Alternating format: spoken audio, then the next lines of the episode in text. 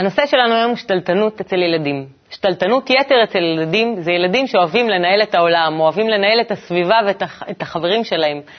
יש לי במקרה דוגמה בבית, ילדה שלא רוצה להיכנס לשיעורים בבית ספר ולא מוכנה שיגידו לה מה לעשות. היום נברר מה עושים עם הדבר הזה ועם התכונה הזאת. בואו נתחיל.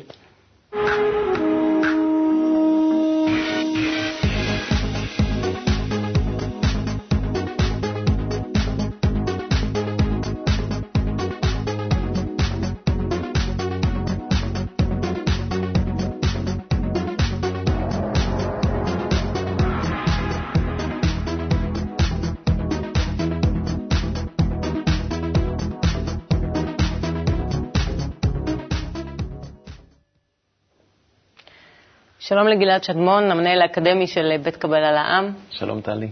ושלומית אבני, שלום. שלום. מדריכת הורים ומאמנת אישית. אה, אנחנו, לפני שאנחנו נתחיל, אני אקריא לכם שאלות אה, מהפורום, שייתנו לנו איזושהי הרגשה של מה שיש בבית עם אה, שתלטנות. בתי בכיתה א' והיא רוצה לשלוט בכל דבר כל הזמן, אפילו בזמן שהיא משחקת עם חברות, היא צריכה להיות זאת שמחליטה ומובילה במשחק. מה אפשר לעשות? השאלה השנייה שהייתה, האם ניתן לשנות את תכונת השתלטנות אצל ילדים, ואיך, או שזה גנטי. זה, אה, דרך אגב, בפורום אפשר אה, לפנות אלינו בכל שאלה, בכל דבר שאתם רוצים לדעת על נושא, בכל נושא שהוא, אנחנו מאוד נשמח לענות לכם. אז זהו, אז מה זה שתלטנות? מאיפה זה מגיע? הדבר הטבעי ביותר שיכול להיות לאדם זה לרצות לשלוט על העולם שהוא נמצא סביבו. זה שבמקרה בעולם הזה יש גם עוד כמה כמוהו שגם רוצים לשלוט, הם רק מפריעים לו בדרך. אבל, אבל יש ילדים שזה בא לידי ביטוי אצלם בצורה הרבה יותר קיצונית. אה, זה בא לידי ביטוי בצורה יותר קיצונית, א', כי זו תכונה שנולדים איתה, ומינון התכונות לא אצל כולנו אה, שווה. לכולנו יש אותן תכונות, אבל יש כאלה שיש להם תכונה יותר בולטת של שתלטנות, כמו תכונות אחרות. אבל uh, באופן טבעי, הרצון שלנו, האגו שלנו, הוא כזה שבו אנחנו רוצים למלא את עצמנו בכמה שיותר הנאה ותענוג מכל סוג שהוא. וכדי שנוכל למלא את עצמנו בתענוג, אנחנו צריכים לשלוט על המציאות שנמצאת סביבנו. אז מה, שליטה זה סוג של תענוג? שליטה זה סוג של תענוג, זה סוג, זה מדרגה מסוימת של תענוג שהיא נמצאת בתוך כל אחד מאיתנו. אצל חלק זה גלוי יותר ומפותח יותר, אצל חלק פחות, אבל אה, אם, לשאלתך, אי אפשר להתמודד עם זה, אי אפשר אה, להימנע מזה, אי אפשר, אה, וגם לא נכון לדכא אצל ילד את הרצון הזה לשליטה. כן אפשר לכוון את זה לכיוון הנכון כדי שהוא באמת ימצה את זה ויביא את זה לידי מקסימום הפעלה ולממש את עצמו בחיים. כי כל תכונה שקיבלנו היא תכונה שקיבלנו בשביל לממש אותה. אנחנו בעצם בנויים מאגו, מרצון ליהנות לעצמנו, שבא לידי ביטוי אצל חלק מהילדים וגם המבוגרים כרצון לשליטה, ואם נלמד את הילד איך להשתמש בדבר הזה נכון, הוא יהיה מאושר וגם אלה שסביבו יהיו מאושרים. אז בכל זאת, אבל יש את המחליטה הזה שהשאלה דיברה עליה. מה זה המחליטה הזה? מה... כן, את גם אמרת בפתיח, דיברת על שתלטנות ושתלטנות יתר. יש פה איזשהו משהו שהוא גם מנעד של מינונים. כי אם אני ככה לוקחת את המקום הזה של תכונה מולדת, אם נגיד שיש משהו שאיתו אנחנו באים באיזשהו צורך, אז עכשיו השאלה רק מה עושים עם זה וכמה זה מנהל אותי ואת האחרים, במקרה הזה הילד שמנהל את כולם.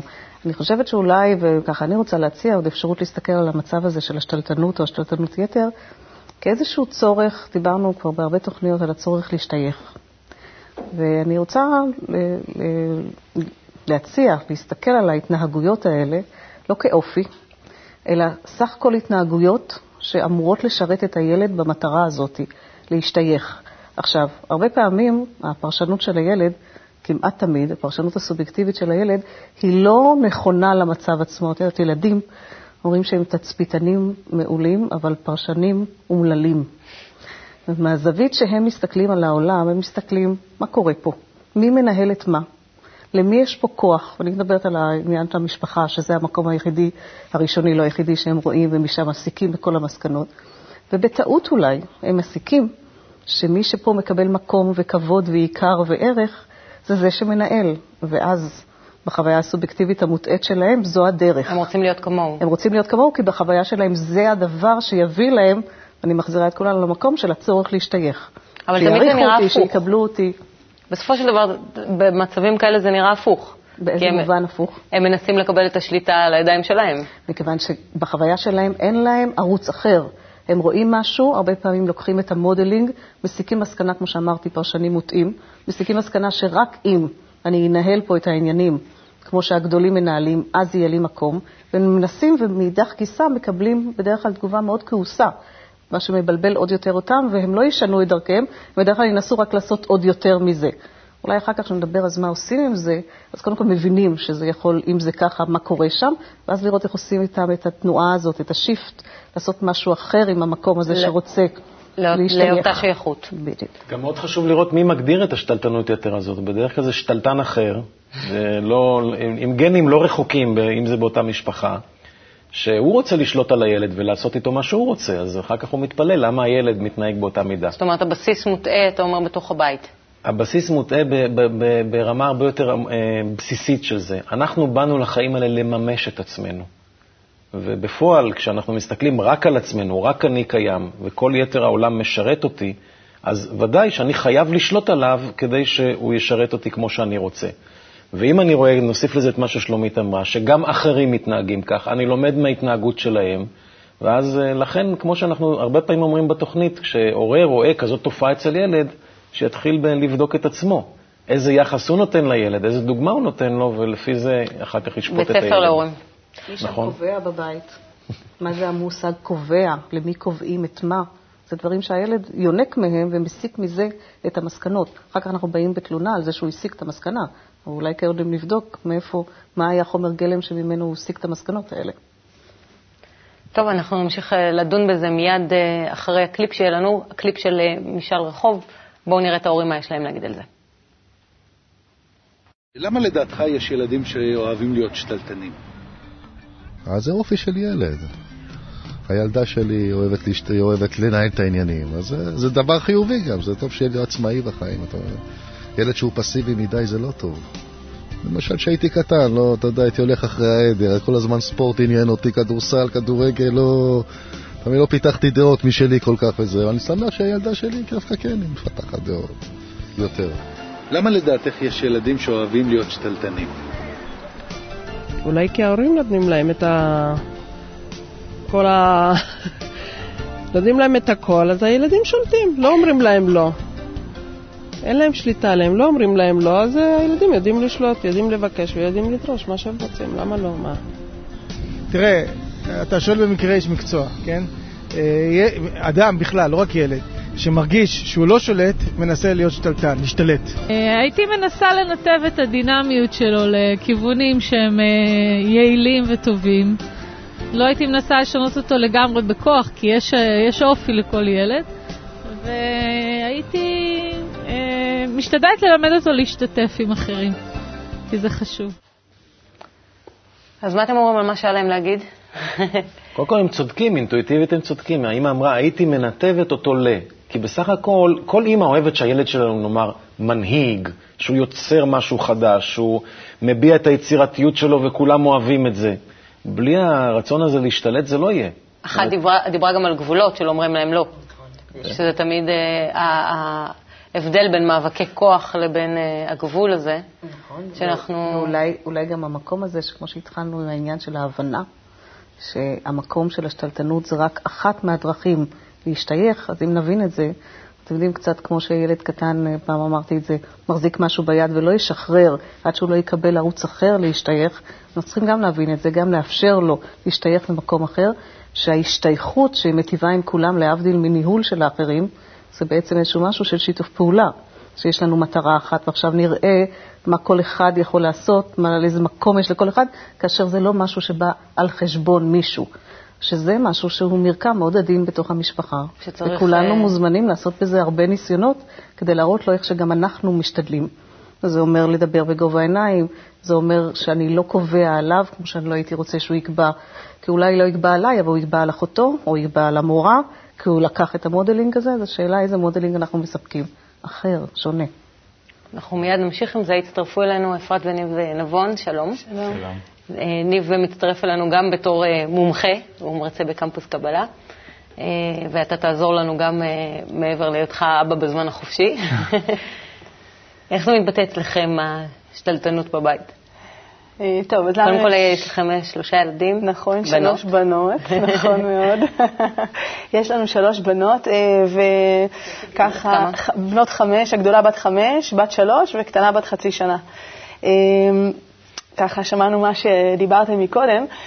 טלי פתחה ואמרה שאם זה עניין גנטי או שזה משהו שמתפתח עם השנים, אז אני חייבת להגיד שאני כן מרגישה שיש, כמו שגלעד אמר, שתכונות שאצל אחרים בולטות יותר מאצל, אה, מאצל אה, אנשים אחרים, אז נגיד הגדולה שלנו היא יותר אה, ככה שתלטנית, אבל אני לא יודעת להגיד, נגיד אם זה ממש באופי שלה שהיא שתלטנית, או פשוט כי היא הכי גדולה, אז היא גם מנצלת את המקום שהיא כאילו הגדולה והיא קובעת. תני לנו דוגמה למשל. דוגמה למשל, טוב, רוב המשחקים שהם משחקים ביחד זה משחקים שהגדולה קבעה מי המלך, מי המלכה, מי הסוס, מי ה... היא מרשה לה מדי פעם להחליט איזה משהו, אבל בגבולות מה שהיא נתנה לה כבחירה. ואני משערת שבאמת... האמצעית? היא מאוד משתפת, מאוד. משתפת מאוד, פעולה עם זה. מאוד. אוקיי.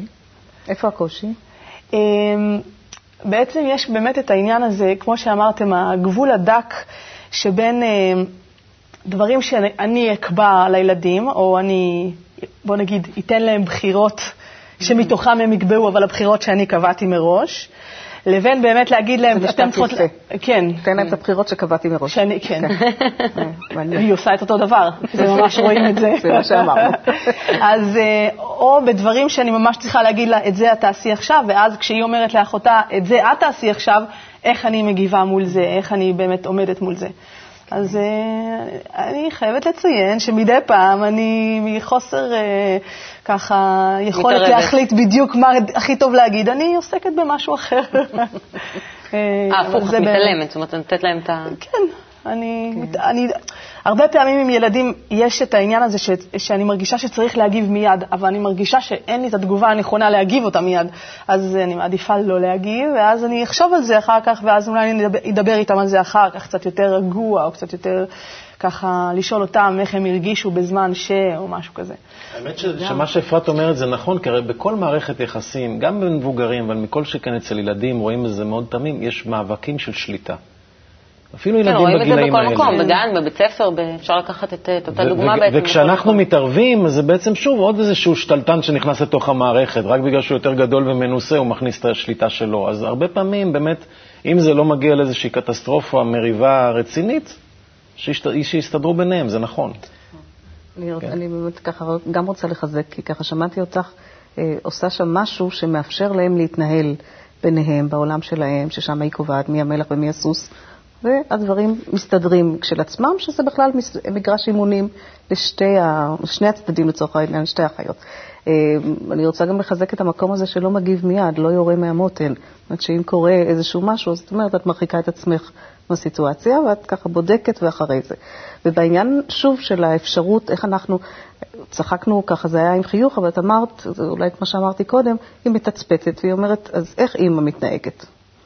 אימא מתנהגת כך וכך, וגם אני, והרבה פעמים כשאנחנו מסתכלים על הילדים, אנחנו יכולים לראות בדיוק את ההתנהגות שלנו, כי זה מה שהם עושים, הם מחכים. אז... אה, איזה שלוחה שלנו. שלוחה שלנו, וגם זה כל מה שיש להם להעתיק, במרכאות. ומההעתקה הזאת הם גם עושים מסקנות. זאת אומרת, אם אני הגדולה, אז אין אפשרות אחרת אלא לקבוע. וזאת אולי ההזדמנות שלנו לראות איזה עוד אפשרות יש לך בשיח עם האחות, חוץ מלקבוע. אפשר שלעיתים את תקבעי ולעיתים היא. זאת אומרת, לעשות לו איזשהו משהו שהוא לא בעיקר אה, אה, מוציא או מגמיש את המקום של האך ורק. רק מתי שאני שולטת זה הכל בסדר פה, אלא לעשות איזושהי הגמשה שם עם האך ורק. לעיתים, גם וגם. כן. למרות שגלעד אמר עכשיו משהו שאני, ככה, אני חייבת להיות כנה ולהגיד שאני גם אומרת את זה, שלפעמים הבת שלי הגדולה שואלת, אה, אה, למה, למה, למה עושים דווקא ככה, כמו שאת אמרת? אז אני אומרת לה, כי אני הגדולה ואני המנוסה, אני מודה, אני הגדולה ואני המנוסה, יש לי ככה ראייה יותר רחבה, אז בגלל זה אני מחליטה בשבילנו. אה, וכן, היא גם אומרת את זה. אבל מה, זה לא נכון? זה זה לא לא צריך להיות. איזשהו יחס מסוים. אה, זה נכון, אבל אה, אני חושב שסמכות, אה, קודם כל, שתלטנות יכולה להוביל למנהיגות. וזה, זה, מן הסתם זה קשור אחד לשני. ומנהיגות נכונה זה שאדם לומד שהוא יכול להנהיג אחרים בתנאי שהוא משרת אותם. בתנאי שהוא עושה בשבילם, עושה להם דברים טובים ומביא אותם לעשות את מה שהוא רוצה בדרך כזאת שהם ירגישו שהם רוצים לעשות את זה. איך מלמדים כזה דבר? זה- הבית ספר של החיים. כולם התרחבו אחורה, כן. ניב, איך מלמדים כזה דבר? זה. דווקא בצורה טבעית. אם אני, אה, נאמר, שתלטן, אז אה, אם הילד שתלטן, אז הוא רואה שיש לו תועלת מזה שעכשיו הוא משרת את האחרים, כי אז בזה הוא בעצם מקבל את כל תשומת הלב. ולכן אה, רואים, זאת אומרת, הרעיון הוא תמיד לנתב את זה לכיוון של... יש לך יכולת לנהל, יש לך יכולת uh, לשלוט, אז בוא תנהל, תארגן את כולם, שאנחנו נהיה ביחד. מזה אני בעצם מקבל את, ה, אה, את הסיפוק. הילד מקבל עכשיו את הסיפוק, ובזה הוא גם אה, תורם ל, ל, לקשר ולחיבור הכללי בין כולם. ואם לוקחים את זה, נאמר, רמה אחת ככה... אז אתה נותן לו תפקידים, שיתרום לחברה. כן, כן, אם יש לו יכולת uh, לארגן, אז uh, כמו שגם שמענו בקליפ, בצורה טבעית, לנתב את זה בעצם לכיוון, uh, לכיוון של, uh, של כלל, של שיתוף. אתם חושבים שזה צריך להיות בצורה של הסבר או של חוויה? זאת אומרת, להגיד לו, הנה עכשיו אתה בתפקיד הזה וזה, או שצריך באמת לשתף אותו ולהגיד לו אה, כהסבר מה הוא צריך לעשות אה, כדי שיהיה לו יותר טוב בחיים אה, עם אותה תכונה. אני חושב שכל דבר הוא יותר טוב שהוא בא דרך חוויה, משחק, שיתוף. אה, כמו שניב אמר, זה נכון. אני למשל בבית, יש לי ארבעה ילדים, ואנחנו יושבים, עושים ישיבה שבועית, ישיבת חוקים. בודקים קודם כל, מעדכנים את החוקים, מה השתנה בשבוע האחרון, כי לפעמים דברים משתנים בשטח. וקובעים לעצמנו הגדרות מחדש, כל פעם מחדש, ואז הילדים בעצמם מעלים. אז הקטנה אומרת, אולי אני אשטוף כלים הפעם השבוע וזה, כי פעם שעברה לא יצא, ו- וככה לאט לאט מחליטים ביחד מה כולם עושים. כשהשיתוף הוא הרעיון המשות... ה- ה- המרכזי, אז uh, כל אחד יכול להביע את, ה- את, הרצ... את השטח או את הטריטוריה שבה הוא רוצה לשלוט. ואז אף אחד לא שולט באמת על כולם. אלא אה, החוקים נקבעים כך שטוב לכולנו שכל אחד ישלוט על החלק שלו. מה עושים בכל זאת שאותו ילד שתלטן אה, לא משתף פעולה? אבל? אוקיי, אז, אה, אז אני חושבת שבאמת השאלה שלך, האם לנאום שם את הנאום, אפרופו, או מה לעשות שם, אני חושבת שדיברנו אם זה מולד או נרכש, גם אם זה מולד, הרי אם זה, זה יתחזק כאשר זה יהיה באור, אם אפשר לומר את זה ככה. ככל שנעשה שם פוקוס על למה אתה שתלטן וזה לא נעים שאתה... מבחינת הילד, אין לו אופציה אחרת שם, רק, זה רק יגרום לדבר הזה לגדול. אז אם אני אלך רגע עם מה שאתה מציע, שכאשר אתה מצליח, מזמין אותו, הוא במקרה יוצא לו להנהיג משהו במובן החיובי, שם צריך לבוא עידוד. ועידוד זה תמיד להראות את החיובי ולהתעלם מהשלילי. אז מה שיקרה, האור ילך לשם. אז הוא יבין שכדאי לו, אפרופו תשומת לב, בדיוק להיות במקומות האלה שהוא עושה לטובת הכלל, שם הוא יקבל את, ה, את הכל הכבוד לך, כמה זה נעים, ולא די אי אפשר איתך עם השתלטנות הזאת וכן הלאה. זה הפוקוס. תמיד להיות עושים. אז חיוביים. תחשוב על הפנס הזה שאנחנו יכולים להעביר לצד השני. לחפש את המפתח מתחת לפנס ולא... לא בחשיכה. בחושך, איפה שיש אור. אני, אבל אה, אני חייבת לציין שכאילו בתוך המסגרת של המשפחה זה באמת פשוט לעשות את זה, כי אנחנו כבר מכירים אחד את השני ואנחנו יודעים את הדינמיקה בתוך המשפחה. אני, הבעיה שאני נתקלת בה, לדוגמה, עם הבת הגדולה, זה שהיא יוצאת לשחק עם חברות, שהיא לא נמצאת איתן יום-יום, והיא לא נמצאת איתן ככה באינטראקציה אה, קבועה, ואז זה בא לידי ביטוי שנגיד היא רוצה להשתלט על איזה משחק והן לא רוצות לתת לה, כי גם הן, כמו שגלעד אמר, שתלטניות בעצמן, ואז... אה, מכת בכורות. כן, ואז יש שם, אה, כאילו, יש שם פיצוץ, ואז זה, זה כבר אחרת, זה, זה, זה, זה לא כמו, לא כמו להנחות, להנחות אותם במשפחה, לעזור להם במשפחה. אז בעצם הדאגה שלך היא מהו השאלה? כאילו, בהקשר אה, הזה, מה... כאילו, אני הייתי רוצה יותר, נגיד, אה, לדעת איך אני, בתוך, ה, בתוך הסיטואציה עם חברים, עם אנשים חיצוניים, איך אז כדאי לי להגיב. חוץ מזה שמה שניב אמר זה כן מה ש, שנעשה, אבל, אה, אבל הרבה פעמים שאני אומרת לה משהו מתוך השתלטנות שלה, היא, היא כן, אל תתני לי עצות, אני יודעת מה לעשות. אז קודם כל כבר אנחנו יודעים שהיא נבונה, מאוד מאוד. אני חושבת שיש הרבה מקומות שאולי כהורה כדאי לנו לראות מה האפשרויות שליטה שלנו שם. מה שקורה לה בחוץ זה הרבה יותר מצומצם ממה שאפשר לעשות מבחינת שליטה בדברים שבבית.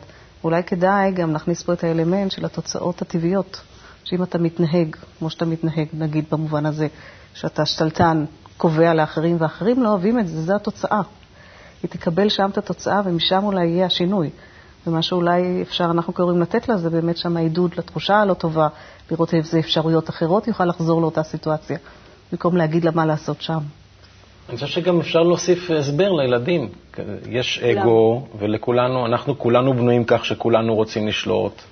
ואם תצליחי באמת לשלוט על כל החברות ושהם יעשו מה שאת רוצה, הם גם לא תהיי מאושרת. אז תני להם גם כן את האפשרות לקבוע לך, והם יקבעו לך דברים מסוימים, ואת תקבעי להם אחרים, וזה משחק. והמשחק הזה לא נגמר כל החיים. להסביר, אני לפחות, אני מסביר את זה לילדים. זה משחק שכל החיים נמשך. אם תרצה שהכל יתנהל כמו שאתה רוצה, זה לא יעשה לא אותך מאושר ולא אותם מאושרים. וזה יכול באמת לפ... ולהוביל לכיוון של מנהיגות. אתה רוצה שיעשו מה שאתה, מה שאתה חושב שנכון? תיצור משהו מעניין, תיצור משהו שאין לאחרים, תצ... תהיה ייחודי, תראה, תראה להם מה הם מרוויחים מזה שיעשו יחד איתך את הדברים. בואו נראה שנייה, יש לנו, הזמן שלנו כבר קצר, אז בואו נראה מה זה האם הזה, הילדים האלה חושבים על הדבר הזה, בואו נראה. את מכירה ילדים שתלטנים? כן, אני מכירה ילדים שתלטנים. כן, יש לי ילדים שתלטנים בכיתה. כן. את אוהבת אותם?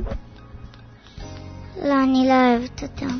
לפעמים אני משחקת איתם, ולפעמים אה, אני עם חברות שלי. הם כל הזמן משתוללים. אני מרגישה שכשהם משתלטנים זה נורא מעצבן אותי. והחברה שמסביב אוהבת אותם, מקבלת אותם? לפעמים הם מקבלים אותם, לפעמים הם לא מקבלים. החברה אוהבת את הילדים השתלטלים, אבל לא תמיד. ולא ממש אוהבים כשהם בחברה. יש כאלה שאוהבים אותם. אם מישהו שהוא שתלטן מצליח במה שהוא עושה, אתה מקנא בו? כן, כי הוא הצליח. אני לא מקנא שהוא של... שללתן, אני מקנא שהוא הצליח. אני מקנא בילד שתלטן כשהוא מצליח. איך אני לא אקנא במישהו שהוא טוב במשהו? היית גם רוצה לפעמים להיות שתלטנית או מנהיגה? לא, לא הייתי רוצה להיות שתלטנית או מנהיגה. הייתי רוצה להיות מנהיגה, אבל כאילו, שתלטנית כזאת, לא ממש. כן, לפעמים אני רוצה לשלוט. הייתי רוצה, אבל לא הייתי רוצה להיות ש... שללתן. יש לך רגעים שאתה כן רוצה לשלוט באחרים? כן, כשאני מרוויח משהו. לא, אין, אין רווח בשליטה על אחרים. כן, יש רגעים שאני רוצה לשלוט באחרים. מתי? שמעצבנים אותי. אז מה, סטלטנות, הילד שתלטן נשמע להם כמו איזה מילת גנאי, כך זה נשמע מהם. אפשר להסביר בצורה ככה אה, די טבעית, שאם נסתכל על גוף האדם, אז אה, המוח לצורך העניין הוא השתלטן הגדול ביותר שיש, מצד אחד. מצד שני, הוא משרת את כל הגוף, הוא נותן פקודות, הוא מפעיל אותו, הוא מניע אותו לכיוון שהוא אה, חיובי, ואם הוא לא היה שתלטן, אז ודאי שהגוף לא היה מתפקד בצורה הרצויה. ולכן, תמיד את כל התכונות, לא משנה מה זה, אם זה שתלטנות או כל תכונה אחרת, אנחנו צריכים תמיד לתעל לכיוון של אה, יתר חיבור, של יתר אה, אה, קשר, של שירות האחרים. ממש, אתה רוצה להיות שתלטן? אין שום בעיה. תשרת את כולם עד הסוף, אתה תהיה השתלטן הגדול ביותר, תראה את המוח, משרת את כל הגוף, ואיך הוא שולט. נהדר, מי נתת את הסיכום, אפשר לסיים. כן. דיברת על הרווח הזה בזמן שהתחתנו בקליפ. אה, אמרת שהילדים אה, רואים את זה כמשהו רע, או אה, ככה מילת גנאי. אפשר היה לשמוע גם שהילדים מבינים שיש בזה רווח.